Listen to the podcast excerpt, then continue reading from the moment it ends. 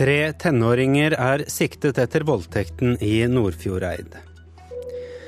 Milliardær Donald Trump sjokkerer i kampen om å bli republikanernes presidentkandidat i USA. Her er NRK Dagsnytt klokka sju.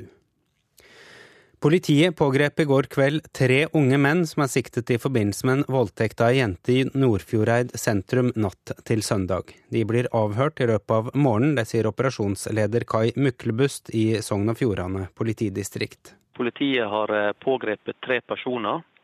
Eh, disse har nå status som sikta og vil bli avhørt i løpet av eh, morgenkvisten eller dagen.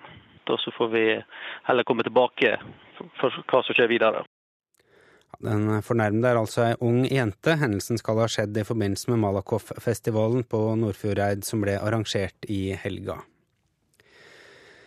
Parlamentarisk leder i Senterpartiet, Marit Arnstad, vil avvikle aupairordningen. Til Dagsavisen sier hun at ordningen har utvikla seg til å bli en billig måte å hente arbeidskraft til Norge. Når Stortinget samles igjen til høsten, vil hun foreslå å forby au her i landet. Det er rundt 3000 au her i landet nå. I USA fortsetter kjendismilliardær Donald Trump å sjokkere i kampen om å bli republikanernes neste presidentkandidat. I helga gikk han i strupen på senator og tidligere presidentkandidat John McCain. Trump mener McCain ikke kan kalles en krigshelt, til tross for at han var krigsfange i Vietnam i fem år. John McCain er ingen krigshelt. Han bare kalles det fordi han ble tatt som krigsfange. Jeg liker ikke folk som blir tatt til fange, spøker Donald Trump på et stort valgmøte i Iowa. Reaksjonene på de grove angrepene hans mot republikanernes presidentkandidat fra 2008 er kraftige. Den storkjeftede milliardæren Trump avskyr McCain og nekter å be om unnskyldning for sine uttalelser i helga. Og kanskje har Trump rett. På flere ferske meningsmålinger leder han nå i kampen om å bli republikanernes neste presidentkandidat. Det virker nå klart at Trump vil få delta i den første TV-debatten på republikansk side 6.8. Tove Bjørgaas, Washington. Fra i dag eh, økes momsen i Hellas, og turister og innbyggere må betale mer for bl.a. mat og drikke. Momsen på mat og drikke økes fra 13 til 23 Momsen økes også bl.a. for drosjer. Økt moms var ett av kravene fra kreditorene for at Hellas skulle få nye kriselån. Det er ventet å gi rundt 7 milliarder kroner fram til årsskiftet den, til den greske statskassa. NRK Dagsnytt, Arild Svalbjørg.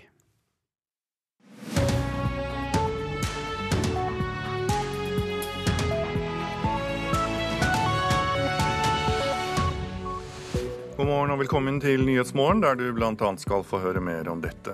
Offentlige opplysningskampanjer gir ingen resultater, det viser forskning. Som vi hørte i Dagsnytt, kjendismilliardæren Donald Trump sjokkerer nok en gang i kampen om å bli republikanernes neste presidentkandidat i USA. Og Norge og EU har blitt enige om EØS-midler og tollfrie fiskekvoter. Europaminister Vidar Helgesen blir med direkte for å fortelle mer. Og programleder denne mandagsmorgen, det er Tor Albert Frøsland. Offentlige opplysningskampanjer gir ikke resultater. Hvert år bruker staten store summer på å informere innbyggere. Vi verken lærer noe eller endrer atferd, viser forskning fra NOVA. Men en del av kampanjene blir lagt merke til og husket.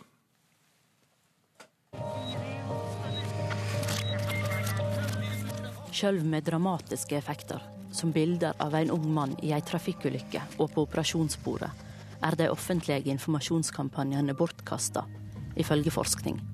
Folk husker gjerne at de har sett kampanjene, men de får ikke folk til å endre holdninger, handlinger eller lære noe.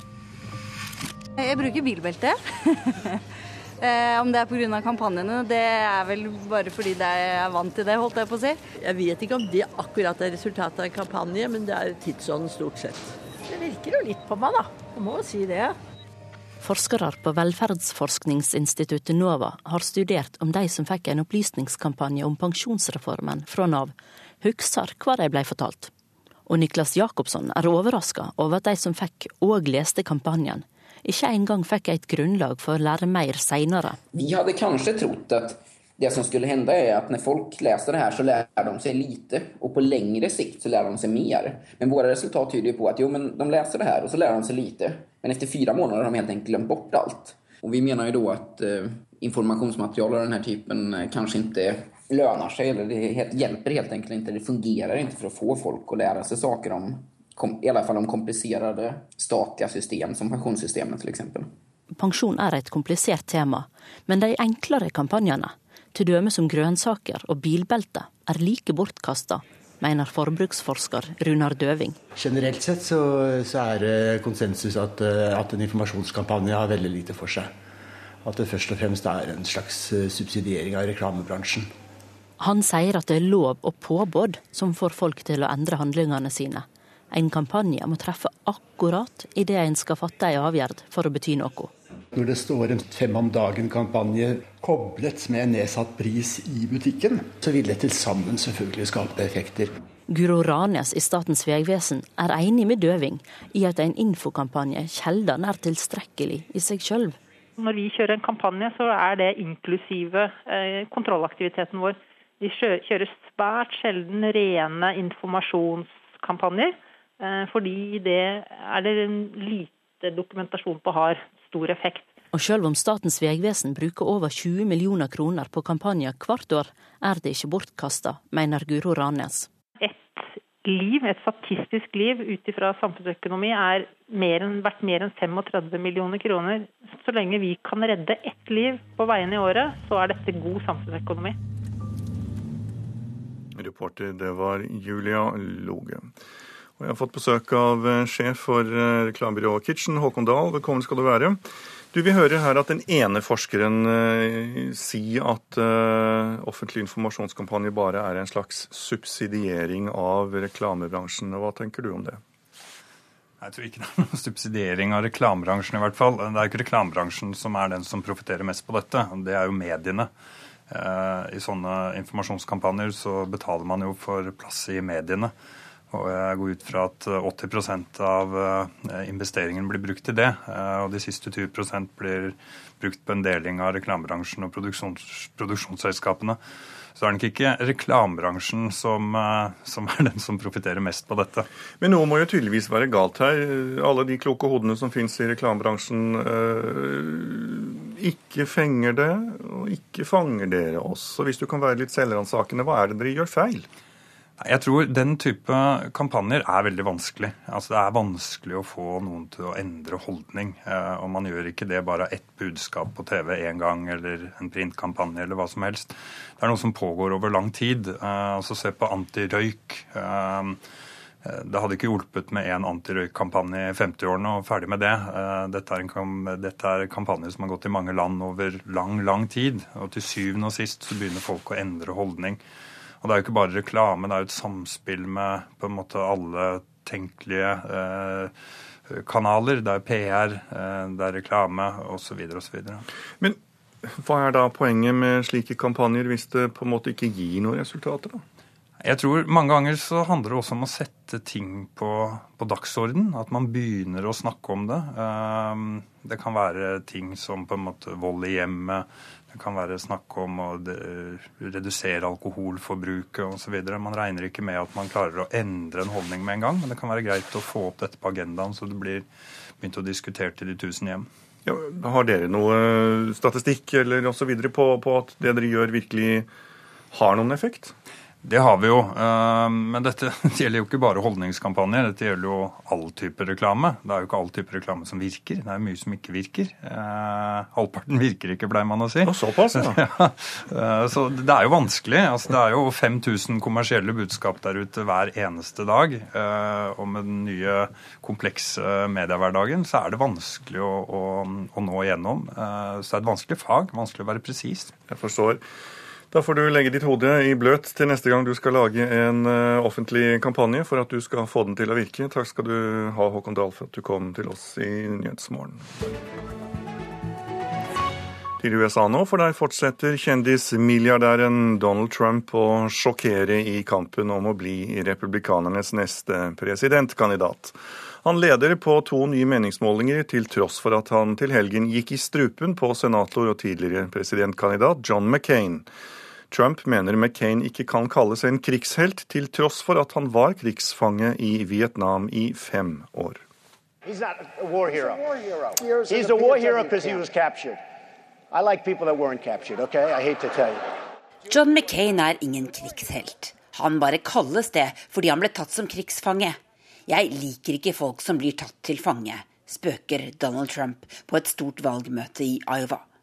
Reaksjonene på de grove angrepene hans mot republikanernes presidentkandidat fra 2008 er kraftige. President?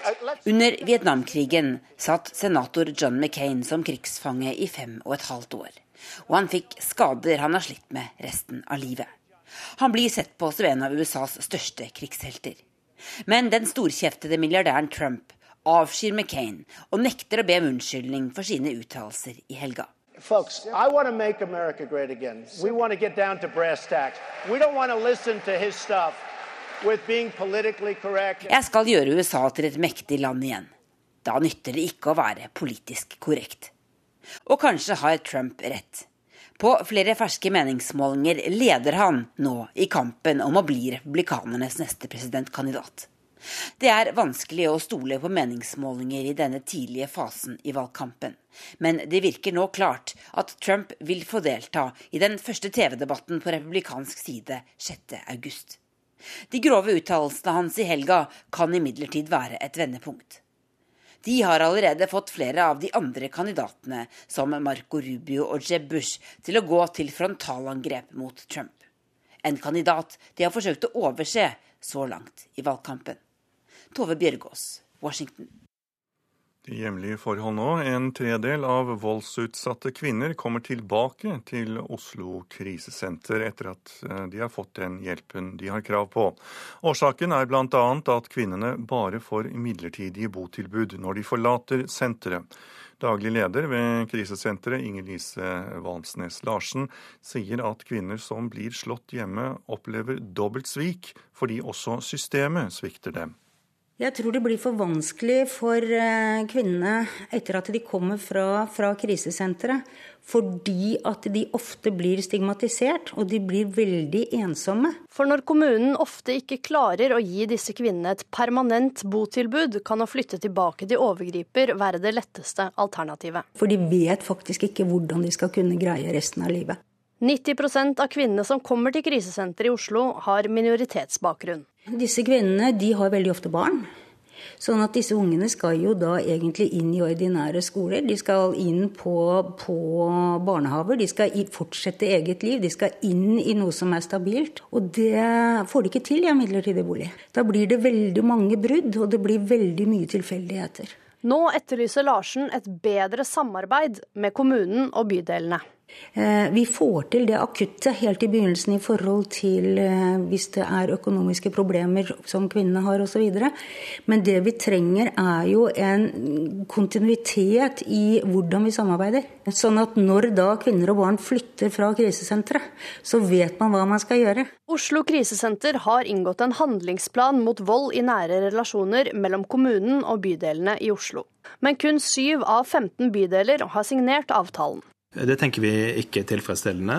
Skulle egentlig vært klart i fjor sommer, og dette er nok et punkt som eh, byrådet vil eh, følge opp eh, i den nærmeste tiden. Det sier Bjørn Ove Fjellandsbø, byrådssekretær for Byråd for helse og sosiale tjenester. Byrådet tar kritikken fra krisesenteret svært alvorlig. Ja, for første så er vi nå i gang med den største satsingen på kommunale boliger siden krigen. Et annet tiltak vi ser på, er å endre regelverket for tildeling av kommunal bolig slik at eh, personer som har vært utsatt for vold i nære relasjoner, er blant de som prioriteres. Dette blir klart til høsten. Hvis vi greier å sikre overgangene fra at de flytter herfra og over i en annen, gjerne permanent bolig, og med klare rammer for hvem det er som har ansvar, så tror jeg langt flere av kvinner i Oslo vil kunne greie å leve alene uten overgriper. Reporter her, det var Kaja Staude Michaelsen. Klokken den er straks 7.15. Eh, Nyhetsmorgen har du radioen din på, og her er hovedsakene. Offentlige informasjonskampanjer til titalls millioner har svært liten effekt. Det viser forskning. Og den omstridte amerikanske presidentkandidaten Donald Trump latterliggjør republikaneren John McCain for at han satt som krigsfange i Vietnam. Og følg med, så skal du få bli med på besøk i Dansk Folkepartiland. Men først. Norge og EU har blitt enige om EU-midler og tollfrie fiskekvoter. Halvannet år med forhandlinger er over, og gjennom den nye avtalen som gjelder fra, med tilbakevirkende kraft fra i fjor og frem til 2021, så skal Norge bidra med om lag 3,3 milliarder kroner per år til 15 av de mindre velstående landene i EU. Europaminister Vidar Helgesen, da fortalte jeg hva Norge skal bidra med hvert år. Da kan du fortsette med å fortelle meg og resten av vi som lytter på, hva EU skal bidra med til oss. Dette er jo et bidrag som eh, er en del av det at vi er med i det indre marked. Vi, eh, ja, Det skjønner vi, men hva får vi igjen fra EU? Vi eh, får deltakelse i det indre marked. Vi får deltakelse i atskillige programmer. Og eh, ikke minst på fiskerisiden så får vi økte tollfrie kvoter eh, for eh, norsk fisk. Og det er gode nyheter for Kyst-Norge og fiskerinæringen. Det har tatt halvannet år med forhandlinger. Hvorfor har det tatt så lang tid før dere kunne sette blekket på papir og skrive under? Det er fordi EU startet det hele med et veldig høyt og for oss helt uakseptabelt krav. Vi gjorde det klart at vi ikke ønsket å forhandle seriøst på det grunnlaget. Det tok lang tid før vi fikk EU justert ned til et eh, rimelig nivå. Og Det beløpet vi nå har endt opp med, det er om lag en inflasjonsjustering av eh, beløpet. Så hva var utgangspunktet da? Utgangspunktet fra EU-siden var godt over 80% Samtidig med disse forhandlingene så har det foregått et arbeid for å sikre en avtale om bedre markedsadgang for norsk eh, sjømat, som du var inne på. Hva eh, kan dette bety for, for Norge og den norske fiskeindustrien? Eh, det betyr at vi får økte tollfrie kvoter for makrell og sild, som har vært viktige prioriteringer fra fiskerinæringen. Bl.a. en økning på 50% når det gjelder krydder og eddiksild. Og så er det ikke bare at det har en stor verdi, men det er også, det er også en avtale som er bedre tilpasset fiskerinæringens eh, interesser enn den forrige avtalen. Vi er eh, veldig tilfreds med dette. Og Så gir det større forutsigbarhet, for dette er en avtale som skal gjelde på syv år. Og Det gjør at fiskerinæringen får mye større forutsigbarhet. Eh, kan du tallfeste dette på noe vis, hva det kan bety i kroner og øre? Ja, verdien av de tollfrie kvotene er ca. 220 millioner kroner i året. Takk for at du var med oss, europaminister Vidar Helgesen.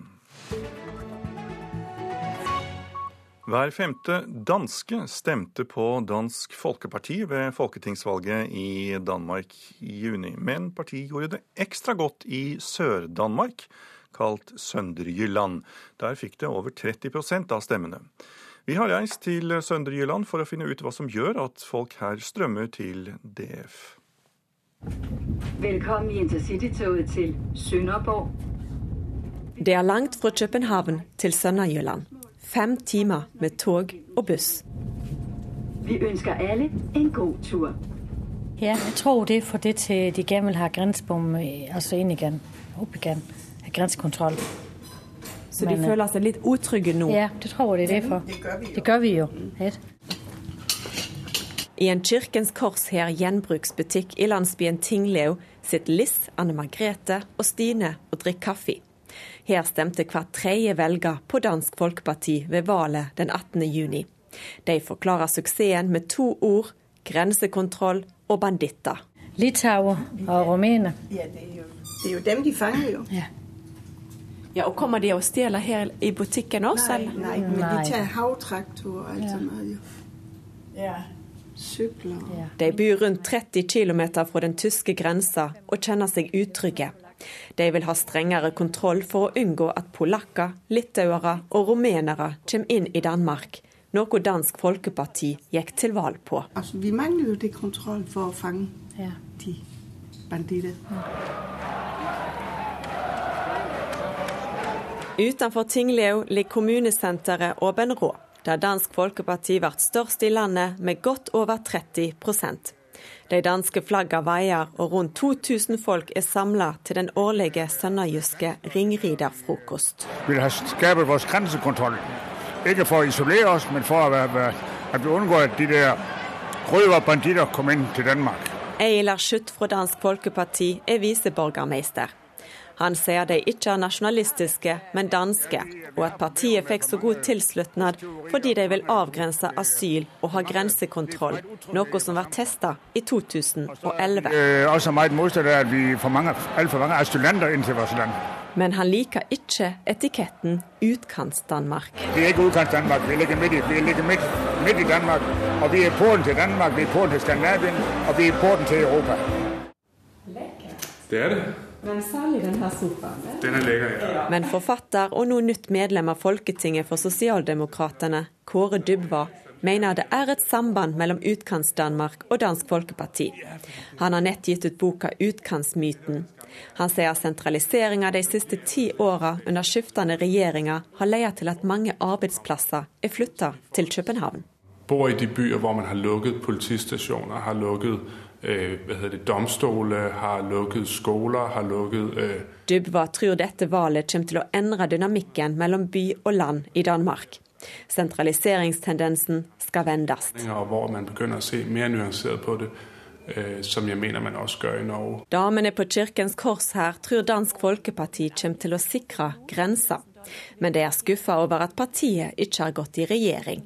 Og de er langt fra begeistra for den nye statsministeren Lars Løkke Rasmussen. Jeg kan ikke så godt lide Lars Løkke. Jeg kan ikke lide Lars Løkke fordi han har snøtt oss så mange ganger og lagd så mange bommer. Det er varmt neste gang, og toget kører ikke videre. Reporter i Danmark det er Tove Irén Spysøy Gerhardsen. Da skal du få vite hva som står på noen av eh, forsidene til avisene. VG slår fedmealarm i dag, og kan fortelle oss hvorfor barna våre blir for tykke. Kvinner velger fortsatt mannens etternavn når de inngår ekteskap, og Aftenposten forteller deg hvorfor. Investor og milliardær Jens Ultveit Moe står frem i Dagbladet og forteller at han ble lurt av et rengjøringsbyrå. Ultveit Moe eier nemlig alle Burger King-restaurantene her i landet, og selskapet som hadde renholdet i alle restaurantene, skal ifølge LO ha drevet grov utnyttelse av utenlandsk arbeidskraft.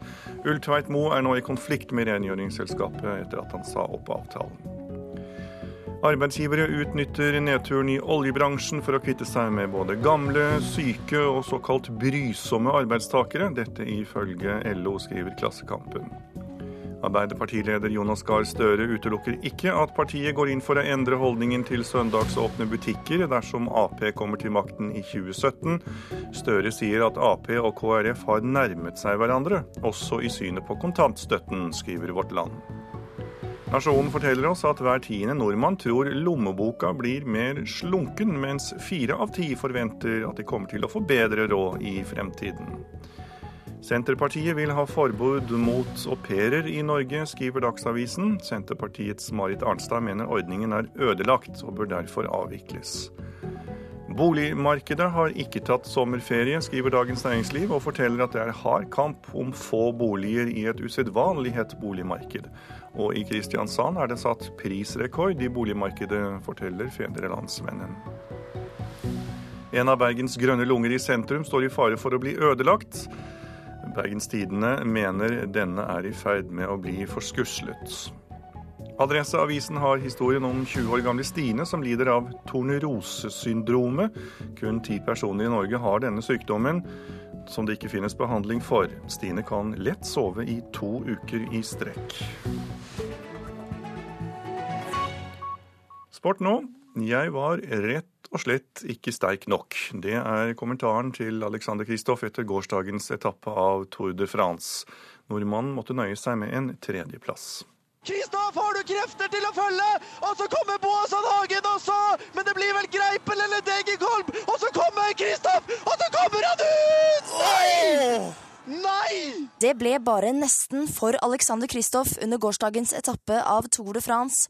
Tyske André Greipel tok sin tredje etappeseier under årets Tour etter å ha spurtslått John Degenkolb og Kristoff på oppløpet. Jeg var ikke sterk nok. De, Greipel var sterkere, så, så enkelt var det. Nei, jeg klarer ikke akselerasjonen når han går til. og er på maks, så det, det, går ikke. Jeg er avhengig av at farten er høy nok, og dessverre var den ikke helt høy nok inn mot, mot oppløpet. Til tross for at det ikke ble etappeseier, syns NRKs sykkelekspert Dag Erik Pedersen Kristoff viste positive tendenser under søndagens etappe. Han tima det bedre og hadde bedre fart over målstreken, men lar seg fortsatt overraske når Greipel og Degenkolb kommer bakfra. Det der har med timing å gjøre, og det er mulig å endre på det. Pedersen mener Kristoff nå bør fokusere på finaleetappen i Paris. Jeg har troa på at Alexander Kristoff nå tar lærdom av tre-fire misbrukte sjanser. Men det skal også legges til at Greipel har vel aldri spurta så bra som han gjør nå. Hovedpersonen selv tror alt er mulig når han entrer Champs-Élysées på søndag. Jeg var jo blant de tre beste i dag, men Greipel virka ganske uslåelig i dag. så det det blir vanskelig, men i Paris er de litt svinger mot slutten. og Hvis han roter seg inn litt langt bak, så er det så klart mulig.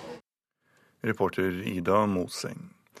Rådmannen i Kongsvinger jobber i sommer noen dager som ekstrahjelp, både på gamlehjem og i barnehage. Det er heller ikke umulig at han kommer til å klippe gresset. Torleif Lindahl ønsker seg nemlig mer innsikt i ansattes hverdag. Og så tilbake. Og du bare beveger jo rundt. Ikke tenk på at han er litt sånn uvant med det. Jeg gjør helt slapper av. Jeg slapper av. Og så beveger du òg. Det er du som beveger, og Torleif bare går etter. Ja, du egentlig å trene, da. Syns du det? Ja, det er det. Ja, men... Jeg prøver så godt jeg kan. Rådmann i Kongsvinger, Torleif Lindahl, er ekstrahjelp på rorhjemmet denne dagen. Og så neste øvelse, da kan du gå ned med armen, og så tar du et skritt tilbake. Under kyndig veiledning av fysioterapeut Barbara Meyer hjelper han Jorunn Bråten til å trene opp det vonde beinet, slik at hun etter hvert kan reise hjem etter korttidsopphold ved hjemmet. Du er helt i yttergrensen. begynner å Ja, fint. Og da, da merker du så flott. Og det er det som vi skal Når vi veileder aktivt, så skal vi på en måte kjenne hvor mye kan hun gjøre. Noen dager i sommer skal rådmann jobbe litt ordentlig, som han selv sier. Hvordan er det når de jobber på ordentlig, og hvordan har de det der? Og hvordan trives de med å jobbe i Kongsvinger kommune? I løpet av sommeren skal rådmannen bl.a. jobbe i barnehage, og det er også mulig han kommer til å klippe plenen, vanne blomster eller plukke søppel. Han er innstilt på å ta de jobbene han får. Det setter de ansatte pris på. Komme ned og se litt. Det er bare en liten flik, men han ser. Men det er ikke alltid så lett å få en ufaglært og ny ekstrahjelp på arbeidslista, sier enhetsleder Mari Kordal. Oppgaver i et sykehjem det har jo sine faglige begrensninger, men her er det jo mennesker som bor. Og som alltid vil være, være hyggelig å ha en prat med. Så her er det mange han kan prate med, og det er også en del av aktivitetene som er viktige. Men jeg kjenner at jeg blir litt bekymret. Det er ikke sånn at rådmannen deler ut piller og sånn her i dag, eller? Nei, han har ikke fått noe delegasjon til det. Da ville jeg nok ha mista jobben. Rådmannen ønsker i framtida å legge til rette for færre møter og større grad møte de ansatte ute der de jobber. Og de andre kommunallederne skal ha minst ei uke i året der de kommer seg ut av kontoret og jobber ute der de ansatte er. Vil du ha et glass saft? Ja takk. Eller vil du heller vann? Du har akkurat drikkevann, men jeg kan da ta, for jeg blir litt sånn tørr i munnen. Ja. Og det er ofte langt til rådhuset. Rådmannen er langt unna. Ved at han kommer ut til ansatte og bryr seg om hva de gjør og mener og tenker, så blir avstanden kortere. Og innsatsen har blitt satt pris på. Det var fint, og han kunne jobben sin. Så han nesten kunne tro han var en fysioterapeut. Reporter, det var Ann Kristin Moe. Etter Dagsnytt så kan du bli med til landsbyen Kogelo i Kenya, for der kommer familien til Kenyas store sønn Barack Obama fra. Obama kommer tilbake til sin fars hjemland denne uken, for første gang da som USAs president. Og du skal få møte Alfred Bjørlo, som er Venstres ordfører i Eid i Sogn og Fjordane. Men før det så kan du også få møte Arild Svalbjørg, som gir deg de siste nyhetene fra Dagsnytt-redaksjonen.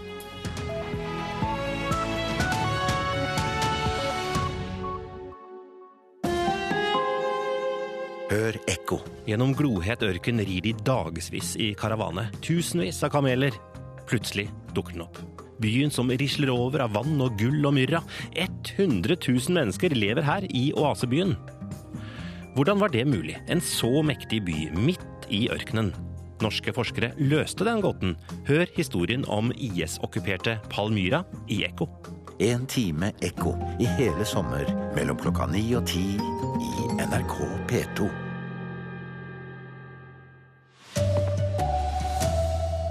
Vi lærer ingenting av informasjonskampanjer fra det offentlige. Au pairer er bare blitt billige hushjelper, mener Senterpartiet, som vil legge ned hele ordningen. Og norsk netthandel lider under regjeringens politikk, mener bransjen. Her er NRK Dagsnytt klokka 7.30. Offentlige opplysningskampanjer gir ikke resultater. Hvert år bruker staten store summer på å informere innbyggerne, men vi verken lærer noe eller endrer handlinger, viser forskning fra NOVA. Sjøl med dramatiske effekter, som bilder av en ung mann i ei trafikkulykke og på operasjonsbordet, er de offentlige informasjonskampanjene bortkasta, ifølge forskning. Folk husker gjerne at de har sett kampanjene, men de får ikke folk til å endre holdninger, handlinger eller lære noe. Og vi mener jo da at uh, informasjonsmateriale av denne typen uh, kanskje ikke lønner seg, eller det helt, hjelper helt enkelt ikke. Det fungerer ikke for å få folk å lære seg saker om i alle fall om kompliserte statlige system, som pensjonssystemet f.eks. Forskere på velferdsforskningsinstituttet NOVA har studert om de som fikk en opplysningskampanje om pensjonsreformen fra Nav, husker hva de ble fortalt. Og Niklas Jacobsson er overraska over at de som fikk og leste kampanjen, ikke engang fikk et grunnlag for å lære mer seinere. Vi hadde kanskje trodd at det som skulle hende er at når folk leser det her, så lærer de seg lite. Og på lengre sikt så lærer de seg mer. Men våre resultat tyder på at jo, men de leser det her, og så lærer de seg lite. Men etter fire måneder har de helt enkelt glemt bort alt. Guro Ranes i Statens vegvesen mener at deres kampanjer får flere til å bruke bilbelte, men at en infokampanje sjelden er tilstrekkelig i seg sjøl. Når vi kjører en kampanje, så er det inklusive eh, kontrollaktiviteten vår. Vi kjører svært sjelden rene informasjonskampanjer, eh, fordi det er det lite dokumentasjon på har stor effekt. Reporter her Julia Loge. Politiet pågrep i går kveld tre unge menn som er sikta i forbindelse med en voldtekt i Nordfjordeid sentrum natt til søndag. De blir avhørt i løpet av morgenen. Den fornærmede er ei ung jente. Hendelsen skal ha skjedd i forbindelse med Malakoff-festivalen på Nordfjordeid som ble arrangert i helga. En tredel av voldsutsatte kvinner kommer tilbake til Oslo krisesenter. Årsaken er bl.a. at kvinnene bare får midlertidige botilbud når de forlater senteret. Daglig leder ved krisesenteret, Inger Lise Valmsnes Larsen, sier at kvinner som blir slått hjemme, opplever dobbelt svik fordi også systemet svikter dem. Jeg tror det blir for vanskelig for eh, kvinnene etter at de kommer fra, fra krisesenteret. Fordi at de ofte blir stigmatisert, og de blir veldig ensomme. For når kommunen ofte ikke klarer å gi disse kvinnene et permanent botilbud, kan å flytte tilbake til overgriper være det letteste alternativet. For de vet faktisk ikke hvordan de skal kunne greie resten av livet. 90% av kvinnene som kommer til krisesenteret i Oslo, har minoritetsbakgrunn. De har veldig ofte barn. Sånn at disse ungene skal jo da egentlig inn i ordinære skoler. De skal inn på barnehaver. De skal fortsette eget liv. De skal inn i noe som er stabilt. Og det får de ikke til i en midlertidig bolig. Nå etterlyser Larsen et bedre samarbeid med kommunen og bydelene. Det vi trenger er jo en kontinuitet i hvordan vi samarbeider. Oslo krisesenter har inngått en handlingsplan mot vold i nære relasjoner mellom kommunen og bydelene i Oslo. Men kun syv av 15 bydeler har signert avtalen. Det tenker vi ikke tilfredsstillende. Skulle egentlig vært klart i fjor sommer. Det sier Bjørn Ove Fjellandsbø, byrådssekretær for Byråd for helse og sosiale tjenester. Byrådet tar kritikken fra krisesenteret svært alvorlig. Ja, for første så er vi nå i gang med den største satsingen på kommunale boliger siden krigen. Et annet tiltak vi ser på, er å endre regelverket for tildeling av kommunal bolig, slik at personer som har vært utsatt for vold i nære relasjoner, er blant de som prioriteres. Dette blir klart til høsten. Reporter Kaja Staude Michaelsen. I USA fortsetter milliardær Donald Trump å sjokkere i kampen om å bli republikanernes neste presidentkandidat. I helga gikk han i strupen på senator og tidligere presidentkandidat John McCain. Trump mener McCain ikke kan kalles en krigshelt, til tross for at han var krigsfange i Vietnam i fem år. John McCain er ingen krigshelt. Han bare kalles det fordi han ble tatt som krigsfange. Jeg liker ikke folk som blir tatt til fange, spøker Donald Trump på et stort valgmøte i Iowa. Reaksjonene på de grove angrepene hans mot republikanernes presidentkandidat fra 2008 er kraftige. Den storkjeftede milliardæren Trump avskyr McCain og nekter å be om unnskyldning for sine uttalelser i helga. Og kanskje har Trump rett. På flere ferske meningsmålinger leder han nå i kampen om å bli republikanernes neste presidentkandidat. Det virker nå klart at Trump vil få delta i den første TV-debatten på republikansk side 6.8. Tove Bjørgaas, Washington. Norge skal betale rundt 3,3 milliarder kroner per år til 15 av de mindre velstående EU-landene. Det er klart etter at Norge og EU har blitt enige om EØS-midler og tollfrie fiskekvoter. Europaminister Vidar Helgesen forklarer hva avtalen vil få å si for fiskerinæringa. Det betyr at vi får eh, økte tollfrie kvoter for eh, makrell og sild, som har vært eh, viktige prioriteringer fra fiskerinæringen. Eh, bl.a. en økning på 50 eh, når det gjelder eh, krydder og eddiksild. Og så er det ikke bare at det har en stor verdi, men det er også, det er også en avtale som er bedre tilpasset fiskerinæringens interesser enn den forrige avtalen. Vi er veldig tilfreds med dette. Og så gir større forutsigbarhet, for dette er en avtale som skal gjelde på syv år. Og Det gjør at fiskerinæringen får mye større forutsigbarhet. Senterpartiet vil avvikle aupairordninga. Parlamentarisk leder Marit Arnstad sier til Dagsavisen at ordningen har utvikla seg til en ordning der man henter billig arbeidskraft til Norge. Det egentlige formålet med aupairordninga er kulturutveksling, og oppholdstillatelse gis for maks to år. Målet er at au pairen skal kunne få språkkunnskaper og lære det norske samfunnet å kjenne, mot å bidra med lettere husarbeid og eller barnepass hos en vertsfamilie. I dag er det rundt 3000 au pairer i Norge, og rundt 80% av dem er unge jenter fra Filippinene. Nå sier Marit Arnstad til Dagsavisen at aupairordninga er ødelagt og bør avvikles.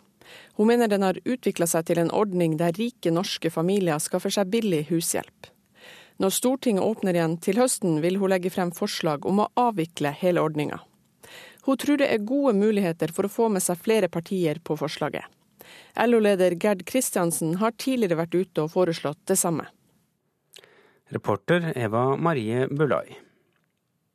Regjeringa favoriserer utenlandske nettbutikker og er med på å undergrave norsk netthandel. Det mener hovedorganisasjonen Virke. Danmark lanserte nylig en sekspunktsstrategi for å styrke dansk netthandel. Her til lands gjør regjeringa det motsatte, sier Virke. På Grünerløkka i Oslo møter gründerne bak nettbutikken barbershop.no liten støtte fra politikerne. Det som er litt vanskelig, er at Norge er et lite land som importerer veldig mye av det vi forbruker. Da mørker du konkurransen veldig fra utlandet, og det er helt greit, så lenge vilkårene er like. Men det er de ikke. Johan Brox er deleier av den norske nettbutikken barbershop.no, og møter sterk konkurranse fra utenlandske nettgiganter i kampen om kundene. For i stedet for å betale 25% mer i Norge pga. merverdiavgiften på en vare, kan nordmenn handle en vare billigere og momsfritt, helt opp til 350 kroner i utenlandske nettbutikker. Det skjønner jeg ikke. Hva er poenget med at norske regjeringa skal favorisere store nettvarehus i utlandet? Hovedorganisasjonen Virke slakter den norske regjeringens handelspolitikk. Istedenfor å gi like konkurransevilkår, så har den gitt enda bedre vilkår til utenlandske butikker versus norske ved å heve denne momsgrensen fra 200 kroner til 350 kroner. Det sier Gerhard Antun, leder for netthandel i Virke, som tror Norge kunne vært i verdensklasse i netthandel. Statssekretær i Finansdepartementet Jørgen Nesje vedgår at det gis fordeler til utenlandske nettbutikker, men dette av hensyn til forbrukerne. Og Det er for at man skal da slippe å betale et gebyr på 140 kroner for å kreve inn småmomsbeløp. Og De påstandene som eh, bl.a. Virke kom med i høst om at man ville se mørklagte kjøpesentre og, at, og mange konkurser, de har blitt gjort til skamme. Det, det er snarere tvert imot vekst, og det går bra for norske nettbutikker. Reporter Knut Arne Oseid. Fra i dag økes momsen i Hellas. Momsen på mat og drikke økes fra 13 til 23% og dermed må innbyggerne betale mer for bl.a. mat og drikke. NRK Dagsnytt eh, var ved Anders Borgen Werring som var ansvarlig. Teknisk ansvarlig Guri Finnsveen, her i studio Arild Svalbjørg.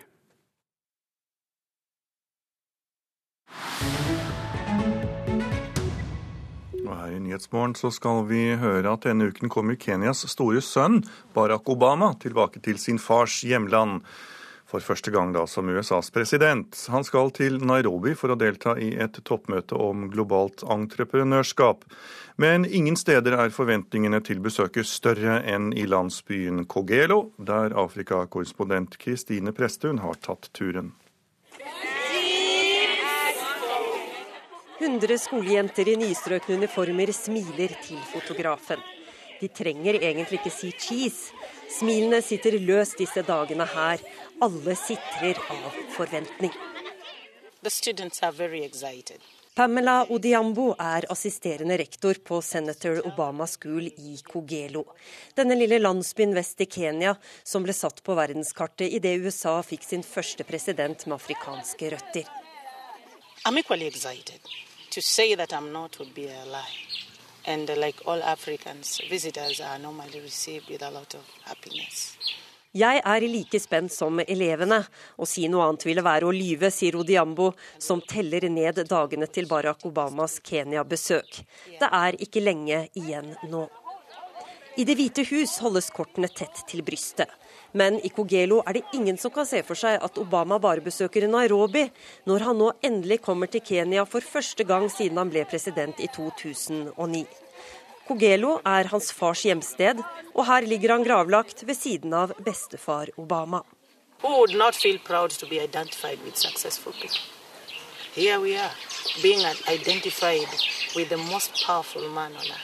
Nei, hvem ville vel ikke vært stolt?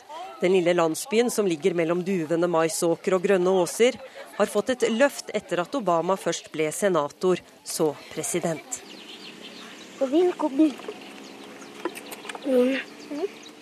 Langs veien går barn med gule vannkanner på hodet. Biler suser forbi på veien som ble asfaltert idet Obama ble en kjent politiker. Veien går fra Kisomo ved Viktoriasjøen hit til dette søvnige veikrysset på landsbygda. I krysset står en kvinne og vasker opp kopper og kar. Veiskiltet ved siden av henne forteller hvor vi er. Sara Obama Road. Oppkalt etter kvinnen som var gift med Barack Obamas bestefar, og som USAs president bare kaller for bestemor. Hun bor her i nabolaget. Stefin Akini har et ansikt preget av et liv i sola. Hun mangler en tann, men ikke entusiasme for besøket.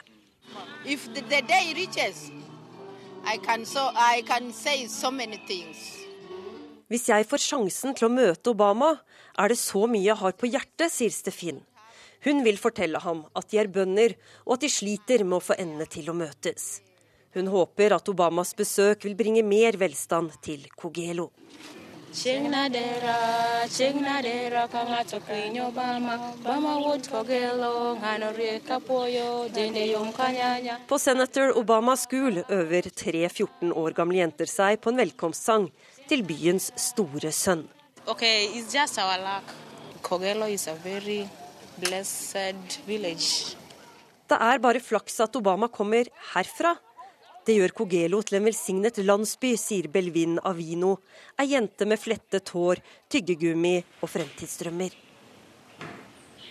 I et klasserom gjør guttene lekser i friminuttet. De har ingen tid å miste hvis de skal klare å nå sitt mål og følge i fotsporene til han som kanskje snart kommer på besøk.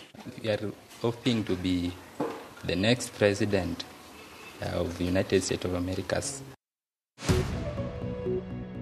Klokken den er straks kvart på åtte. Det er Nyhetsmorgen du har radioen din på, enten du lytter på NRK P2 eller Alltid nyheter. Her er hovedsakene våre.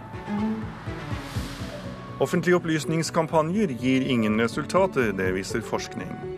Regjeringen favoriserer utenlandske nettbutikker og er med på å undergrave norsk netthandel. Det mener hovedorganisasjonen Virke.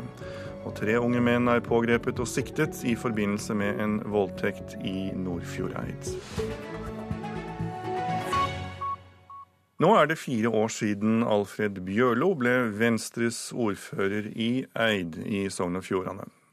Forrige valg ble omtalt som et brakvalg, hvor Venstre firedoblet oppslutningen, og de er nå det største partiet.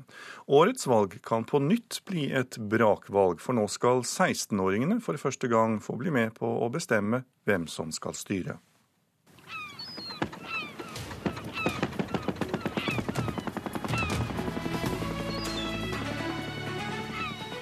Politisk sommerintervju i Nyhetsmorgen. Mitt navn er Alfred Bjørlo. Jeg er 42 år. Jeg er ordfører for eh, Venstre i Eid kommune og stiller på nytt som eh, ordførerkandidat ved dette valget. Eid kommune er eh, ei vakker, vital kommune i Sogn og Fjordane. Vi har vårt eget operahus som den eneste kommunen i Norge utenom Oslo. Og vår opera er til og med nyere. Du ble jo ordfører etter at Venstre gjorde et brakvalg for fire år siden med firedobla oppslutning, så dere er det største partiet. Og det er jo ikke så veldig vanlig. Tror du dere klarer å holde på ei så stor oppslutning ved høstens valg?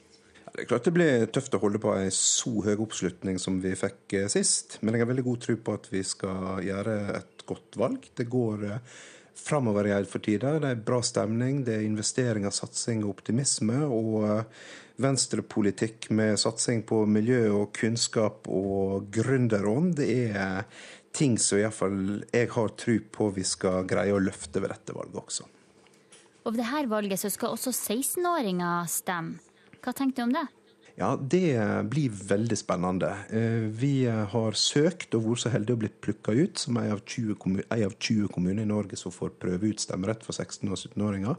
Jeg har faktisk stor tro på at dette er bra både for ungdommen og for hele lokaldemokratiet å få 16- og 17-åringer med der det skjer, og der avgjørelser faktisk blir tatt. Ungdommer stemmer jo ofte litt annerledes enn eh, de som er litt eldre. Frykter du en større forskyvning av makta i Nordfjordeid? Nei, det gjør jeg egentlig ikke. Men det er klart, det er jo eh, sånn det skal være. at Blir ungdommen først med å stemme, så skal deres stemme telle også. og Det er jo rett som du sier, at det er ikke sikkert de stemmer likt med eldre velgere. Men uh, samtidig skal en huske på at gjennomsnittsalderen blant velgerne, eller blant folk ellers i Norge går oppover. Det blir en stadig større andel av Eh, befolkninga som eh, er høyt oppe i alder. Og da tror jeg det er bare bra for balansen sin del å få inn 16- og 17-åringer i den andre enden. Hva er de mest sentrale stridsspørsmålene i din kommune? Det handler om samferdsel, om å få fart på utbygging av større regioner, bedre kommunikasjoner rundt oss. Det er viktige kampsaker for oss.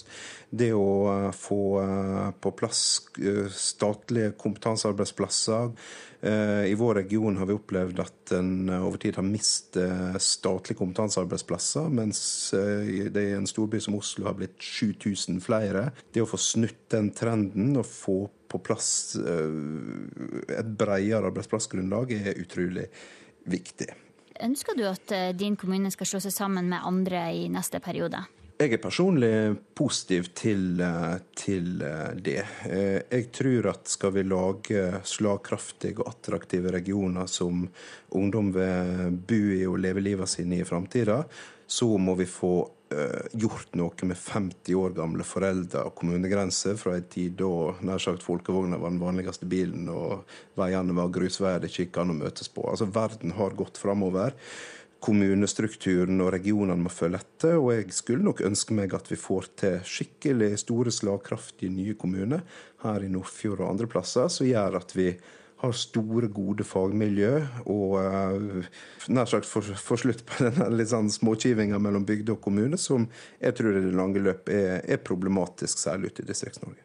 Og Da skisserer du en eh, konstellasjon som plasserer din egen kommune i midten. Hva slags fortrinn kan det gi Eid? Ja, det kan du si. Dette er jo selvfølgelig litt av det som er krevende kommunereformprosesser. At de fleste kommuner vil kanskje i utgangspunktet se ønske mest konstellasjoner der en sjøl ligger i midten. Men jeg, jeg tror iallfall det er viktig å løfte blikket og se hva som tjener hele regionen best. Der er noen klare fordeler med å få regioner opp mot en 20 000-25 000 innbyggere som gjør at vi ikke bare kan løse dagens oppgaver godt, men òg å ta på oss mange nye oppgaver. Flytte makt og myndighet ned fra stat og fylke. Hvis du får makta igjen nå ved valget, hva er det viktigste du vil gjennomføre? Vi har gjort veldig mange viktige investeringer som nå er på trappene i eh, Eid, og som eh, har stått på vent i mange år. Vi er nå i gang med å skal bygge nytt omsorgssenter, ny flerbrukshall for skole og idrett. Vi bygger nye bostadfelt, nye næringsareal. Det vil være investeringer i Eid nå på trappene for opp mot 1 milliard kroner de neste tre åra. Det er veldig, veldig mye for en distriktskommune med 6000 innbyggere. Og det å nå jobbe beinhardt med å få fart på næringsutvikling og heie fram og hjelpe fram gründere, jobbe med ny næringsetablering, det er det jeg vil jobbe aller mest med disse fire åra. Venstre gikk på valg på ikke innføre eiendomsskatt, men så skjedde det likevel. Hvorfor det? Ja, det, Vi er i likhet med så godt som alle andre kommuner rundt oss, både i Sogn og Fjordane og på Sunnmøre, kommet dit at uh, vi har stått i valget mellom enten uh, nær sagt nedbygging av kvaliteten på offentlige tjenester, eller å måtte uh, innføre eiendomsskatt for å finansiere det. Og Da har vi valgt et bredt politisk kompromiss i Eid å si at vi innfører en eiendomsskatt med lav sats på bostader kombinert med at vi kommer i gang med utbygging av lenge etterlengta satsinger på eldreomsorg og barn og unge. Og Den kombinasjonen har vi klart. Eh, og Da gjør vi noen felles løft for alle, men baksida ved det er at vi har måttet innføre eiendomsskatt på bostad. Eh, men vi har derimot ikke innført eiendomsskatt på næring, eh, slik at vi enda slipper å legge den belastninga på bedriftene og arbeidsplassene. Men eh, kan man bare love, og så, mm, når man møter veggen, bryte de her valgløftene? Jeg tror de fleste lokalpolitikere over hele landet opplever det at uh, du kommer i noen valg utover i perioden der du enten ikke får gjennomført de satsingene du har gått til valg på å prøve å få gjort. Vi har da gjort det valget i et bredt flertall i kommunen med at vi sagt at vi innfører eiendomsskatt, men da skal vi ha gjennomført de store investeringene vi har lovt velgerne å få på plass, og det går vi nå i gang med å få gjort. Og det, Vi står for de valgene vi har gjort, og så er det valg hvert fjerde år, og så får folk ta stilling til om de mener vi har gjort rett eller ikke. Og Alfred Bjørlo han ble intervjuet av Linda Reinholdsen. Regjeringen favoriserer utenlandske nettbutikker og er med på å undergrave norsk netthandel. Det hevder hovedorganisasjonen Virke. Danmark lanserte nylig en sekspunktsstrategi for å styrke dansk netthandel. Her til lands gjør regjeringen det motsatte, mener Virke. På Grünerløkka i Oslo møter gründerne bak nettbutikken barbershop.no liten støtte fra politikerne. Det som er litt vanskelig, er at Norge er et lite land som importerer veldig mye av det vi forbruker. Da mørker du konkurransen veldig fra utlandet, og det er helt greit, så lenge vilkårene er like. Men det er de ikke. Johan Brox er deleier av den norske nettbutikken barbershop.no, og møter sterk konkurranse fra utenlandske nettgiganter i kampen om kundene. For i stedet for å betale 25% mer i Norge pga. merverdiavgiften på en vare, kan nordmenn handle en vare billigere og momsfritt, helt opp til 350 kroner i utenlandske nettbutikker. Det skjønner jeg ikke. Hva er poenget med at norske regjeringa skal favorisere store nettvarehus i utlandet? Hovedorganisasjonen Virke slakter den norske regjeringens handelspolitikk. Istedenfor å gi like konkurransevilkår, så har den gitt enda bedre vilkår til utenlandske butikker versus norske ved å heve denne momsgrensen fra 200 kroner til 350 kroner. Det sier Gerhard Antun, leder for netthandel i Virke, som tror Norge kunne vært i verdensklasse i netthandel. Statssekretær i Finansdepartementet Jørgen Nesje vedgår at det gis fordeler til utenlandske nettbutikker, men dette av hensyn til forbrukerne. Og, og Det er for at man skal da slippe å betale et gebyr på 140 kroner for å kreve inn småmomsbeløp. Og De påstandene som eh, bl.a. Virke kom med i høst om at man ville se mørklagte kjøpesentre og, at, og mange konkurser, de har blitt gjort til skamme. Det, det er snarere tvert imot vekst, og det går bra for norske nettbutikker. Reporter var Knut Arne Oseid. Ja, det går bra for norske nettbutikker, Erik Sandstrø. Du har lang erfaring med netthandelbransjen, og du er faktisk også nylig kåret til årets netthandelleder. Så du får fortelle oss da om Virke og regjeringens kritikere tegner et realistisk bilde av hvordan det er å drive en norsk nettbutikk?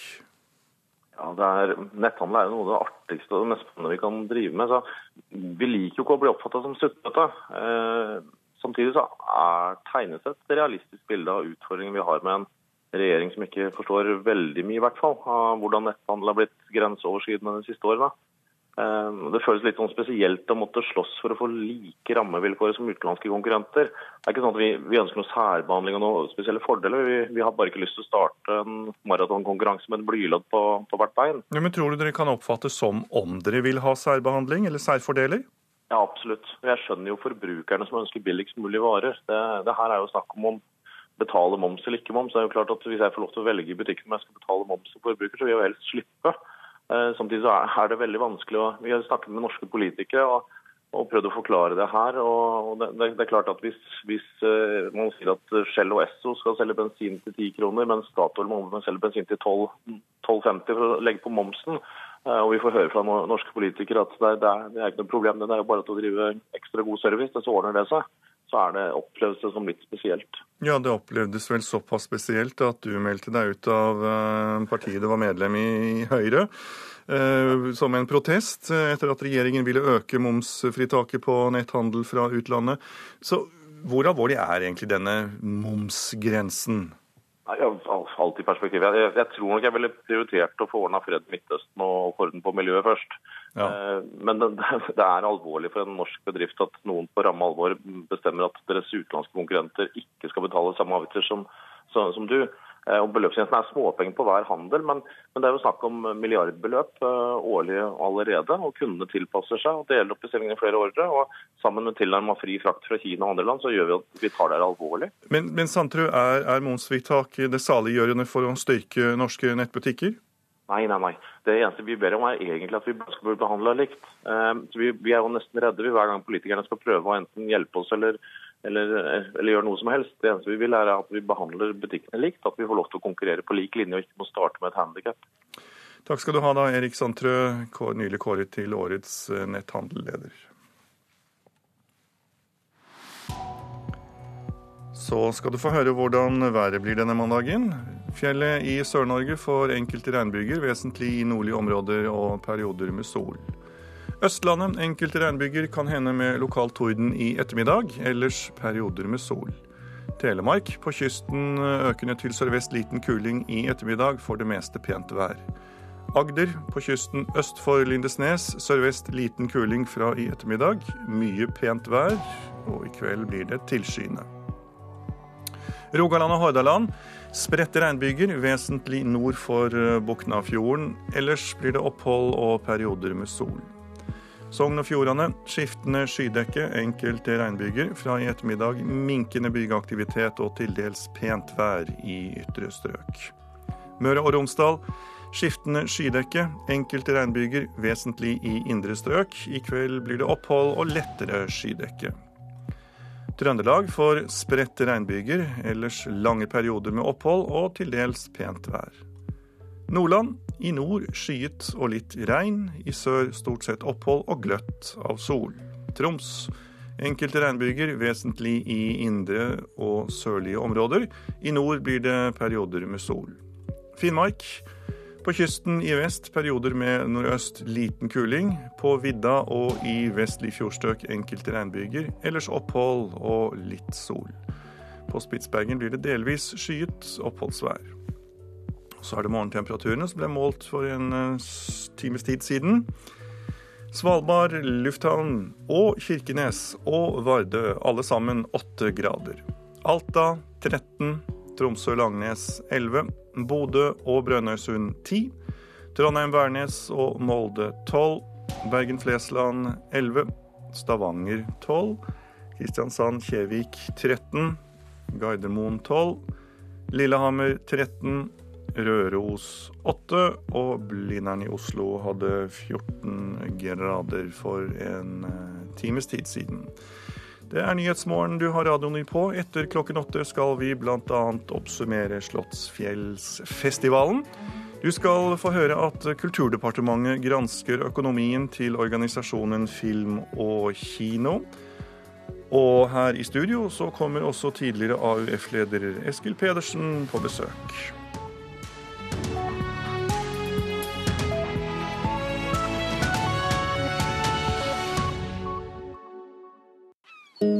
Sommer i P2. Jeg heter Nine Wester. Jeg er teatersjef ved Hålogaland teater i Tromsø. Det er langt fra Namsos til Royal Albert Hall. Like langt som fra Åtterøya til Dramaten. I sommer i P2 i dag forteller jeg hvorfor jeg fikk nøkkelen til Ingmar Bergman sitt do. Sommer i P2. I dag klokken ti. Norge betaler 3,5 milliarder i året for å selge mer tollfri fisk til EU. Statens holdningskampanjer virker ikke, viser ny forskning. Men holdningsendringer tar tid, sier reklamemann. Her er NRK Dagsnytt klokka åtte. Norge skal betale rundt 3,3 milliarder kroner per år til 15 av de mindre velstående EU-landene. Det er klart etter at Norge og EU har blitt enige om EØS-midler og tollfrie fiskekvoter. Europaminister Vidar Helgesen mener fiskerinæringen får mer forutsigbarhet. Jeg tror mange ganger så handler det også om å sette ting på, på dagsorden. At man begynner å snakke om det. Ehm, det kan være ting som på en måte vold i hjemmet, det kan være snakk om å redusere alkoholforbruket osv. Man regner ikke med at man klarer å endre en holdning med en gang, men det kan være greit å få opp dette på agendaen så det blir begynt å diskutere til de tusen hjem. Ja, har dere noe statistikk på, på, at det dere gjør virkelig har noen effekt? Det har vi jo. Eh, men dette gjelder jo ikke bare holdningskampanjer. Dette gjelder jo all type reklame. Det er jo ikke all type reklame som virker. Det er mye som ikke virker. Eh, halvparten virker ikke, pleier man å si. Og såpass, ja. ja.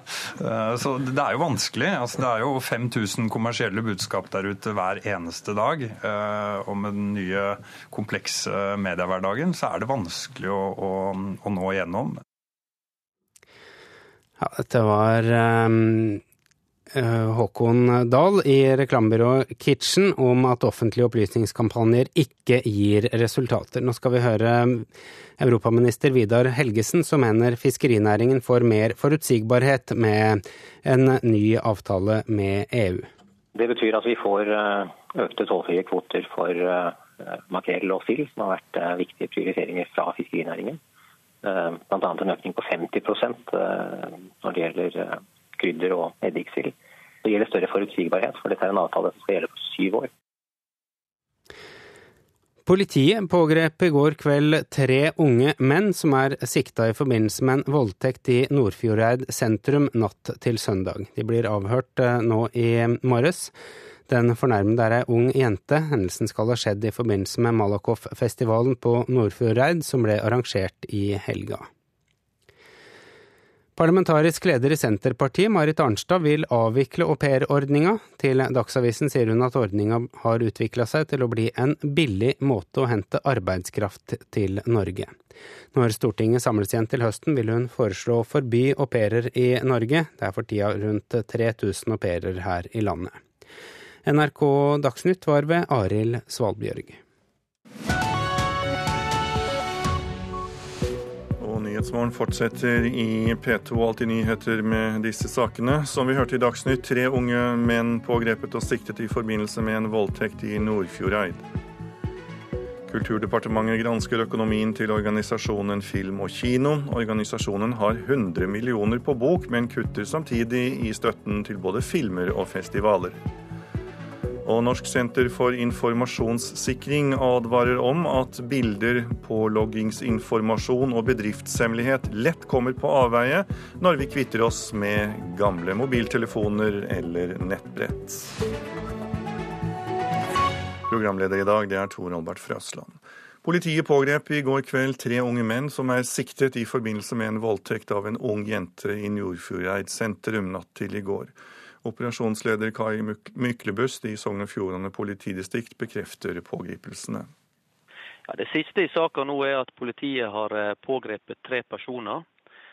Disse har nå status som sikta og vil bli avhørt i løpet av morgenkvisten eller dagen. Hva er det de er sikta for? Når det gjelder siktelsen, så er det noe som vi må komme tilbake til utpå ut på dagen eh, når jourhavende jurist er kommet, eh, kommet på jobb. Hvordan stiller de pågrepne seg til siktinga? Ja, når det gjelder spørsmål angående de sikta, så er det igjen noe som vi, kom, vi må komme tilbake til ut på dagen. Hva skjer videre nå? Eh, Saka vil bli eh, etterforska for full kraft fra, eh, fra morgenen av. og eh, Som sagt så vil det, de mistenkte eller sikta vil bli avhørt. og Så får vi heller komme tilbake for hva som skjer videre. Intervjuer var Halvor Farsund Storvik. Opplysningskampanjer gir ikke resultater. Hvert år bruker staten mange millioner kroner på å informere oss innbyggere. Kampanjen kan dreie seg om både grønnsaker, trafikksikkerhet eller pensjonsrettigheter, men uansett fører de ikke til endringer, viser forskning. Selv når mottakerne faktisk leser stoffet, så lærer de lite. Det sier Niklas Svensson ved forskningsinstituttet NOVA. Jeg tro at mennesker skal ta in väldigt mycket kunskap eller lära sig väldigt mycket genom att läsa ett enkelt informationsmaterial, vad det än handlar om, är förmodligen tveksamt. Vi ska i alla fall inte förvänta oss det. Vi hade kanske trott att det som skulle hända är att när folk läser det här så lär de sig lite och på längre sikt så lär de sig mer. Men våra resultat tyder på att jo, men de läser det här och så lär de sig lite. Men efter fyra månader har de helt enkelt glömt bort allt. Nord-Korea har avholdt lokalvalg, og ifølge statlige medier valgte hele 99,97% av befolkningen å stemme. Men på stemmeseddelen sto bare ett navn, og ifølge avhoppere fra det nordkoreanske regimet kan det få represalier dersom man ikke bruker stemmeretten. Det spares verken på pomp eller prakt når det holdes valg i Nord-Korea. Folk kler seg opp i sine flotteste gevanter. Valglokalene er pyntet med blomster i alle regnbuens farger, og utenfor danser smilende mennesker til tradisjonell folkemusikk. Kanskje ikke så rart, da, at hele 99,97% av de som kan stemme, gjorde nettopp det under gårsdagens lokalvalg. I hvert fall om man skal tro statlige nordkoreanske medier. Dette valget er viktig for å befeste at makten fra folket er hard som stein. Alle som deltar i dette valget er landets herskere, og de uttrykker sin mening om kandidatene gjennom sine stemmer, sa Ry Hy-ok, som er nestleder i valgkomiteen. Det er nye representanter til forsamlinger både på provins-, by- og fylkesnivå nordkoreanerne skulle velge. Men det finnes bare ett parti i Nord-Korea. Og det er nettopp kommunistpartiet som utpeker den ene kandidaten i hver valgkrets som velgerne kan stemme ja eller nei til. Studenten Cho Jin-hook fortalte at han ser kandidatene som sanne representanter for folket, som alltid vil gjøre sitt ytterste for deres beste. Han stemte med glede, men avhoppere fra regimet har uttalt at han i realiteten ikke hadde noe valg. En uteblitt stemme anses som et uttrykk for at du ikke støtter regimet, eller at du har rømt landet. Da kan både du og familien være i trøbbel, sier en avhopper til BBC. Under lokalvalget i 2011 var det ikke én eneste stemme imot kandidatene. Resultatet fra gårsdagens valg forventes å være klart i løpet av de neste dagene. Det sa reporter Silje Herbro Landsverk. Kulturdepartementet gransker organisasjonen Film og kinos økonomi. De siste årene har Film og kino kuttet i bevilgningene til barnefilmtiltak, filmfestivaler og cinematek. Samtidig har de hatt om lag 100 millioner på både bok og i fond. Norske filmfestivaler kan vente seg dramatiske kutt. Det, det kommer som et sjokk at det er så mye. Filmelskere taper når kinoenes egen organisasjon mister inntekter. Men nå skal vi høre om eh, filmtilbudet til barn og unge, for eh, de risikerer å miste tilbudet. Det får kjempestore konsekvenser, for det betyr at vi kan gjøre mindre. altså aktivitet. Mange har vært frustrerte de siste årene over at det har blitt kuttet i den statlige støtten til filmfestivaler, cinemateker og barnefilmtiltak. Pengene deles ut av Film og Kino, som lever av en avgift på DVD og kinobilletter. Men når du ikke lenger kjøper DVD, blir det mindre penger i potten hos Film og Kino. Men mens disse kuttprosessene har pågått, har Film og Kino hatt rundt 100 millioner kroner på bok i det de kaller Kinofondet. Det har fått Kulturdepartementet til å reagere. De stiller nå flere spørsmål om pengebruken til organisasjonen, sier statssekretær Bjørgulf Vinje Borgundvåg. Altså det er jo slik at Film og Kino de siste årene har valgt å redusere eh, tilskuddene til noen av disse filmformidlingstiltakene de etter forskrift skulle tildele midler til, eh, hvor eh, Kulturdepartementet har gått inn og kompensert dette. Så er det altså overført gebyrinntekter til fond hos Film og Kino. Så vi går nå gjennom dette i dialog med Film og Kino for å se på, se på dette. Hvert år Film og Kino har hatt overskudd på budsjettet, har de overført pengene til Kinofondet. Kulturdepartementet skriver i et brev til Film og Kino at det er rimelig å legge til grunn at det meste av Kinofondets penger stammer fra avgiften på DVD og kinobilletter. Derfor vil de vite hvorfor disse pengene ikke er brukt på bl.a. filmfestivaler og barnefilmarrangementer. Nå står det litt over 90 millioner kroner i fondet. Film og Kino mener at om lag 40 millioner er deres egne penger som de hadde før de ble pålagt å kreve inn avgifter. De har ikke hatt penger til å dekke filmfestivaler og andre oppgaver de er pålagt, sier administrerende direktør Guttorm Petterson. Vi har dels forpliktelser til digitaliseringen som, som fortsatt pågår, digitaliseringen av kinoene. Eh, som anslagsvis eh, fortsatt krever 30 millioner fra, fra fondet. Vi har dette grunnfondet som altså er basert på en frivillig avgift fra 1970 til 1987, som var på 32 millioner. Det er noe avkastning på det fondet. noe salg av aksjer i, i Filmweb i 2012. Eh, som gjør at, eh, at kinofondet røftlig er på ca. 40 millioner i dag. Og så er det da 20 millioner som vi må redegjøre for imellom der. Og vi har nå som da film og kino vil bli avviklet, pensjonsforpliktelser som ligger på over 20 millioner bare. Så allerede der er da alt spist opp. Men førsteamanuensis ved Juridisk fakultet i Bergen, Bjørnar Borvik, sier at det er vanskelig å si at 40 millioner kroner er film og kinos egne penger, når disse pengene er blandet sammen med avgiftsmidler. Eh, men i og med at det har skjedd en så stor grad av sammenblanding over lang tid, eh, så mm, kan nok ingen av partene regne med at man ser en fordeling som nærmest speiler den opprinnelige fordelinga mellom private og offentlige midler. Her er det gjerne flere kokker som har vært og rota litt i den samme gryta. Og da bør man eh, i fellesskap eh, rydde opp i dette. Petterson hos Film og Kino sier at det kunne vært lurt å skille gamle oppsparte midler og penger tatt inn gjennom en statlig avgift. Og det burde, Dette burde kanskje vært uh, atskilt. Det hadde vært, uh, vært, lettere i hvert fall å få en oversikt. Men, men bortsett fra det så, så, mener jo vi, og har jurister som også ser på saken, men som ikke har kommet til, til noen konklusjon ennå. Vi har som sagt tiden fram til 15. Og Film og Kino har frist til 15.8 med å komme med et svar til Kulturdepartementet, og departementet ønsker ikke å svare mer detaljert i saken, før de har fått all informasjon fra Film og Kino. Reportere det var Eirin Venås Sivertsen, Petter Sommer og Katrine Elland, og du kan selvfølgelig lese mer om dette på nrk.no. Kulturkommentator Agnes Moxnes, velkommen. Hva har organisasjonen Film og Kino opptrådt uryddig her, eller hva tenker du? Det virker jo som de har gjort det. Det er iallfall en veldig uvanlig situasjon i norsk kulturliv. dette her. Vi snakker om mange, mye penger. Eh, vi stiller spørsmål hvem eier egentlig disse pengene, hvor kommer de fra? Og holder det juridisk mål at kinoens bransjeorganisasjon har samlet seg penger på bok når deler av disse pengene kommer fra offentlige avgifter?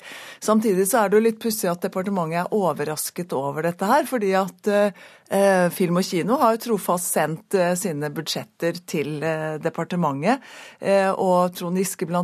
brukte jo flere hundre millioner kroner av dette fondet til å digitalisere norske kinoer. Så hvorfor har denne situasjonen oppstått? Ja, Det er, eh, handler om kinopolitikk. fordi Like før sommeren så leverte kulturminister Toril Vidvei fra seg sin filmmelding. Og et av målene hennes har vært liksom å rydde opp i det konglomeratet av ulike støtteordninger som man har for norsk eh, kino og norsk, eh, norsk film. Og en av disse ordningene har vært den avgiften som vi alle betaler hver gang vi går på kino. Altså 2-3% av billettinntektene går til en sånn avgift. Vidva ønsker å føre disse pengene rett tilbake igjen til statskassa. Og hun ønsker å avvikle film og kino, altså dette, denne bransjeorganisasjonen for, for kino. Men på, fra kinoens side så oppleves dette helt klart som en, en, svekkelse, altså denne meldingen, som en svekkelse av deres makt og, og, myndighet. Så jeg tror vi må se dette i en sånn sammenheng. Ja, Har regjeringen da tenkt igjennom konsekvensene av filmpolitikken sin, eller er dette en slags uh, villet politikk? Ja, Vi får jo håpe de har tenkt igjennom det. Det er jo sånn at norske kinoer har rett og slett vært en melkeku for norske kommuner. Det er flust av, av kulturhus bl.a. rundt omkring i Norge som Munch-museet bl.a., som er bygget på inntekter fra kommunale kinoer. Nå er hele dette markedet i, i endring, og selv om kinobesøket er ganske stabilt, så vet jo alle at flere og flere av oss sitter hjemme og strømmer filmer eh, hjem på hjemmekinoen. Du, Vi hørte i forrige uke at det også kan spøke for filmfestivalen i Haugesund når film og kino legges ned i sin nåværende form. Særlig fordi Film og Kino eier 60% av filmfestivalen. Hvordan tror du det da blir i fremtiden? Vil filmfolket, filmfolket stadig sette nesen mot Haugesund? Ja, Det er jo et spørsmål. Det vil jo være en sørgelig slutt på denne saken hvis det, det viser seg at, at det, dette filmfondet, eller kinofil, kinofondet, nå brukes for å svekke filmfestivalene, eller de nasjonale filmfestivalene.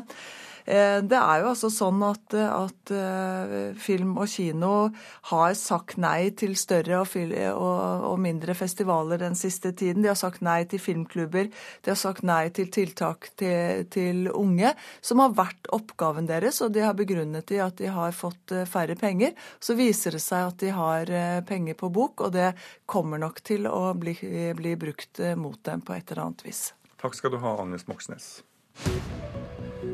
Nyhetsmorgen lytter du til. Klokken er 16 minutter over åtte. Her er hovedsakene. Tre unge menn pågrepet og siktet i forbindelse med en voldtekt i Nordfjordeid. Offentlige opplysningskampanjer gir ingen resultater, viser forskning. Og Slåttfjellsfestivalen i Tønsberg er over for denne gang. Det skal du straks få høre mer om når musikkjournalist Stine Eriksen kommer i studio for å oppsummere. Når du kvitter deg med gamle mobiltelefoner eller nettbrett, risikerer du at bilder, påloggingsinformasjon og bedriftshemmeligheter kommer på avveie. Det advarer Norsk senter for informasjonssikring om. En undersøkelse Yougov har gjort for Elkjøp, viser at kun 11 får slettet alle data på mobiltelefoner og nettbrett før de selges, kastes eller leveres inn. Sånn. Sånn. Da har vi bare skanna gjennom den, for tapte filer, og der ligger jo dokumentet. Fullt fungerende dokument. Så den eh, mobiltelefonen her var alt sletta på, men eh, du fant det fram igjen? Ja, jeg fant det frem igjen. Odd-Erik Bruseth ved Elkjøp på Slepen i Asker viser hvor enkelt det kan være å hente fram informasjon som man tror er sletta. Folk flest i dag er jo bekymra for svindel og ID-tyveri og sånne ting. Mange sjekker jo selvangivelsen sin på mobiltelefonen per i dag. Da ligger det jo igjen en kopi av selvangivelsen på den telefonen. Hvis den da kommer i feil hender, så kan jo de misbruke den informasjonen. Sju av ti nordmenn er litt eller svært opptatt av å få sletta informasjon fra sine telefoner og nettbrett, ifølge en undersøkelse Yougov har gjort på oppdrag fra Elkjøp. Samtidig svarer kun 11% at de oppsøker hjelp fra fagfolk til å få sletta innholdet. Men det bør flere gjøre, mener administrerende direktør Roger Johnsen ved Norsk senter for informasjonssikring. To ting som bekymrer meg. Det ene er jo en stadig økende omfang av personlig sensitiv informasjon som folk etterlater på sine mobiltelefoner. Og det andre er at mobiltelefonen har blitt inngangsdøra til jobben din. Så tillater man at mobiltelefonen lagrer passordet og påloggingsinformasjonen din, så du neste gang bare kan gå rett inn. Dette er kanskje ikke det vi ønsker hver og en skal få tilgang til etter de har funnet eller kjøpt eller fått lånt telefonen din. Ifølge Johnsen bør du i det minste gjenopprette fabrikkinnstillingene på enheten du skal kaste eller selge, sjøl om heller ikke det er 100% sikkert. En av fire nordmenn oppgir knusing som sin slettemetode, men det er heller ikke tilstrekkelig, ifølge Lars Løfsgaard i selskapet IBAS, som har spesialisert seg på sletting og gjenoppretting av datafiler. Du kan selvfølgelig destruere, men eh, det at ting er vannskada og destruert og defekt og fysisk defekt og ødelagt, det stopper jo ikke sånne som oss i hvert fall med å hente tilbake data. Selskapet Ibas har inngått samarbeid med Elkjøp, som nå tilbyr sertifisert sletting. Også elektronikkjeden Ekspert sletter i enkelte butikker hvis man ber om det, mens Lefdal og den svenske Siba-kjeden opplyser at de har planer om å tilby sletting innen kort tid. Folk har muligheten, men har ikke skjønt alvoret, ifølge Odd Erik Bruseth i Elkjøp. Det er overraskende få som faktisk ber om den tjenesten, selv om de er klar over at de har ting som ikke kan komme på avveie. Hvor mange er det som er innom og gjør det her? Eh, vi har nesten ingen kunder som ber om det, i det store og hele. Hva du eh, er her for i dag? For å få support på min nye mobiltelefon. Hvor bevisst er du på å få sletta ting når du eh, skal få en ny telefon? Veldig lite bevisst. Så den ligger stort sett i skuffa med dataene inni. Et godt tips er visst å mm, gjenopprette fabrikkinnstillinga før man leverer uansett. Bruker du å, gjøre det? Eh, nei. Hvorfor ikke det, da? Her er mye feil. Nei, det er ting man ikke vet om. Så det er, det er ting man ikke tenker på, ikke vet om og, og ikke gjør. Det sa mobilkunde Odd Thorseth til reporter Torkil Torsvik. Slottsfjellsfestivalen i Tønsberg er over for denne gang, og det ble en vindfull affære med flere konsertavlysninger. Og med oss for å oppsummere festivalen, det er musikkjournalist i Gaffa, Stine Eriksen. Velkommen skal du være. Tusen takk. Du, Hvordan synes du eh, Slottsfjell da løste alt dette vindfulle? Eh, forholdene tatt i betraktning, så syns jeg de løste det på den måten som de best mulig kunne ha gjort. Um, det er klart det var noen eh, timer der hvor det var mye usikkerhet. Eh, publikum var utålmodige, ønsket informasjon. Eh, men det fine er jo at eh, sosiale medier hjelper oss veldig mye nå per dags dato. Så all informasjon kom ut så fort som mulig, og det er klart at ting tar tid når det er 10-15 band som skal omrokeres. Flyttes ned fra de to scenene som stengte på toppen av fjellet. Dessverre så førte jo det til noen avlysninger. Men også at mange band fikk innpass på andre scener. Og alt i alt så syns jeg at Slottsfjell løste det på best mulig måte. Absolutt. Da dropper vi været og konsentrerer oss om musikken, for du har plukket ut tre høydepunkter fra festivalen, og her er det første. But if you close your eyes, does it almost feel like nothing changed at all?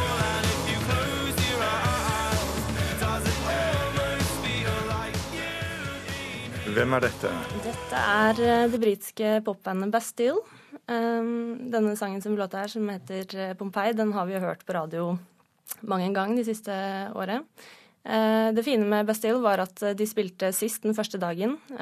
Og jeg vet ikke, det var litt mer sånn klassisk flott festivaløyeblikk med solnedgangen i bakgrunnen. En fantastisk start på, på den første dagen. Og det bandet er ikke sånn at man nødvendigvis kan synge med på alle låtene.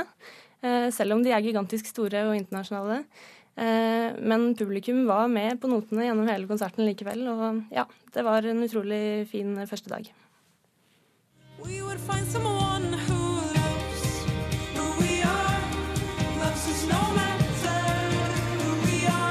Og her hører vi Her hører vi Fire Villagen, et relativt norsk, eh, nytt norsk eh, navn. Eh, slapp debutalbumet nå tidligere på forsommeren.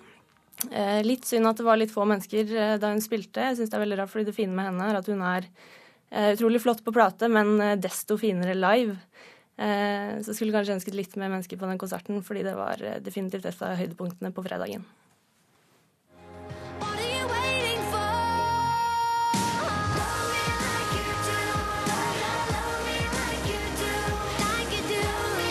Dette er vel nokså kjente toner? Ja.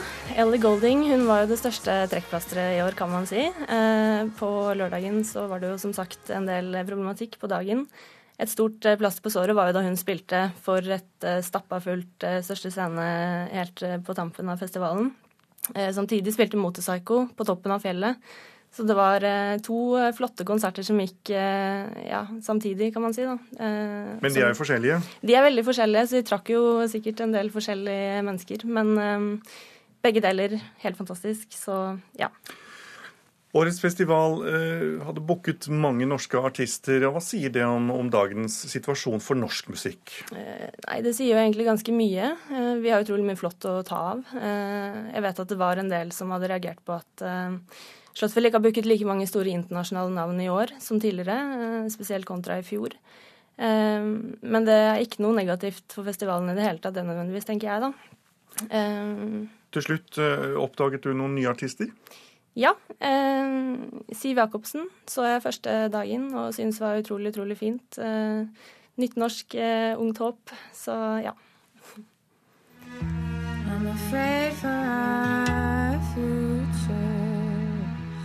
I'm afraid it won't last.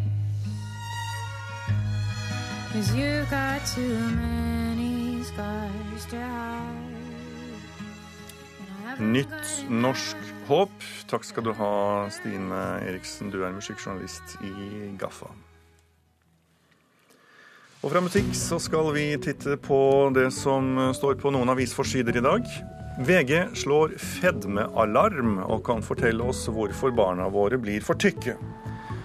Kvinner velger fortsatt mannens etternavn når de inngår ekteskap, og Aftenposten forteller deg hvorfor. Investor og milliardær Jens Ultveit Moe står frem i Dagbladet og forteller at han ble lurt av et rengjøringsbyrå.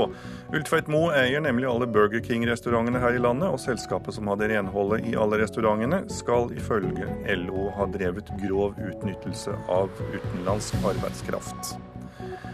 Arbeidsgivere utnytter nedturen i oljebransjen for å kvitte seg med både gamle, syke og såkalt brysomme arbeidstagere. Dette ifølge LO, skriver Klassekampen. Arbeiderpartileder Jonas Gahr Støre utelukker ikke at partiet går inn for å endre holdningen til søndagsåpne butikker dersom Ap kommer til makten i 2017, skriver Vårt Land. Nasjonen forteller oss at hver tiende nordmann tror lommeboka blir mer slunken, mens fire av ti forventer at de kommer til å få bedre råd i fremtiden. Senterpartiet vil ha forbud mot au pairer i Norge, skriver Dagsavisen. Senterpartiets Marit Arnstad mener ordningen er ødelagt og bør derfor avvikles. Boligmarkedet har ikke tatt sommerferie, skriver Dagens Næringsliv, og forteller at det er hard kamp om, få, bolig, om få boliger i et usedvanlig hett boligmarked. Og i Kristiansand er det satt prisrekord i boligmarkedet. Det forteller Fedrelandsvennen.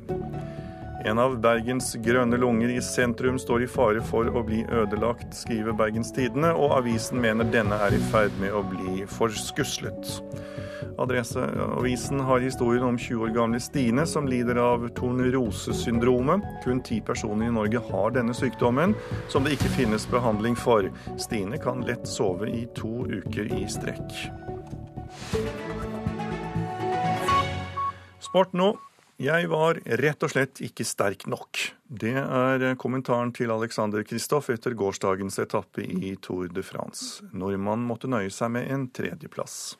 Kristoff, har du krefter til å følge? Og så kommer Boasson Hagen også! Men det blir vel Greipel eller Degerkolb! Og så kommer Kristoff! Og så kommer han ut! Nei! Nei! Det ble bare nesten for Alexander Kristoff under gårsdagens etappe av Tour de France. Tyske André Greipel tok sin tredje etappeseier under årets tour etter å ha spurtslått John Degenkolb og Kristoff på oppløpet. Jeg var ikke sterk nok. De, Greipel var sterkere, så, så enkelt var det. Nei, jeg klarer ikke akselerasjonen når han går til. og jeg er på maks, så det, det, går ikke. Jeg er avhengig av at farten er høy nok, og dessverre var den ikke helt høy nok inn mot, mot oppløpet. Til tross for at det ikke ble etappeseier, syns NRKs sykkelekspert Dag Erik Pedersen Kristoff viste positive tendenser under søndagens etappe. Han tima det bedre og hadde bedre fart over målstreken, men lar seg fortsatt overraske når Greipel og Degenkolb kommer bakfra. Det der har med timing å gjøre, og det er mulig å endre på det. Pedersen mener Kristoff nå bør fokusere på finaleetappen i Paris. Jeg har troa på at Alexander Kristoff nå tar lærdom av tre-fire misbrukte sjanser. Men det skal også legges til at Greipel har vel aldri spurta så bra som han gjør nå. Hovedpersonen selv tror alt er mulig når han entrer Champs-Élysées på søndag. Jeg var jo blant de tre beste i dag, men Greipel virka ganske uslåelig i dag. så det det blir vanskelig, men i Paris er de litt svinger mot slutten. og Hvis han roter seg inn litt langt bak, så er det så klart mulig. Reporter her, det var Ida Moseng. Og etter Dagsnytt så skal du bl.a. få høre mer om at Senterpartiet vil avskaffe aupairordningen. Det nye minnestedet på Utøya innvies om et par dager. Eskil Pedersen kommer også i studio i den forbindelse. Utenlandske nettbutikker favoriseres av regjeringen i forhold til norske. Det hevder hovedorganisasjonen Virke.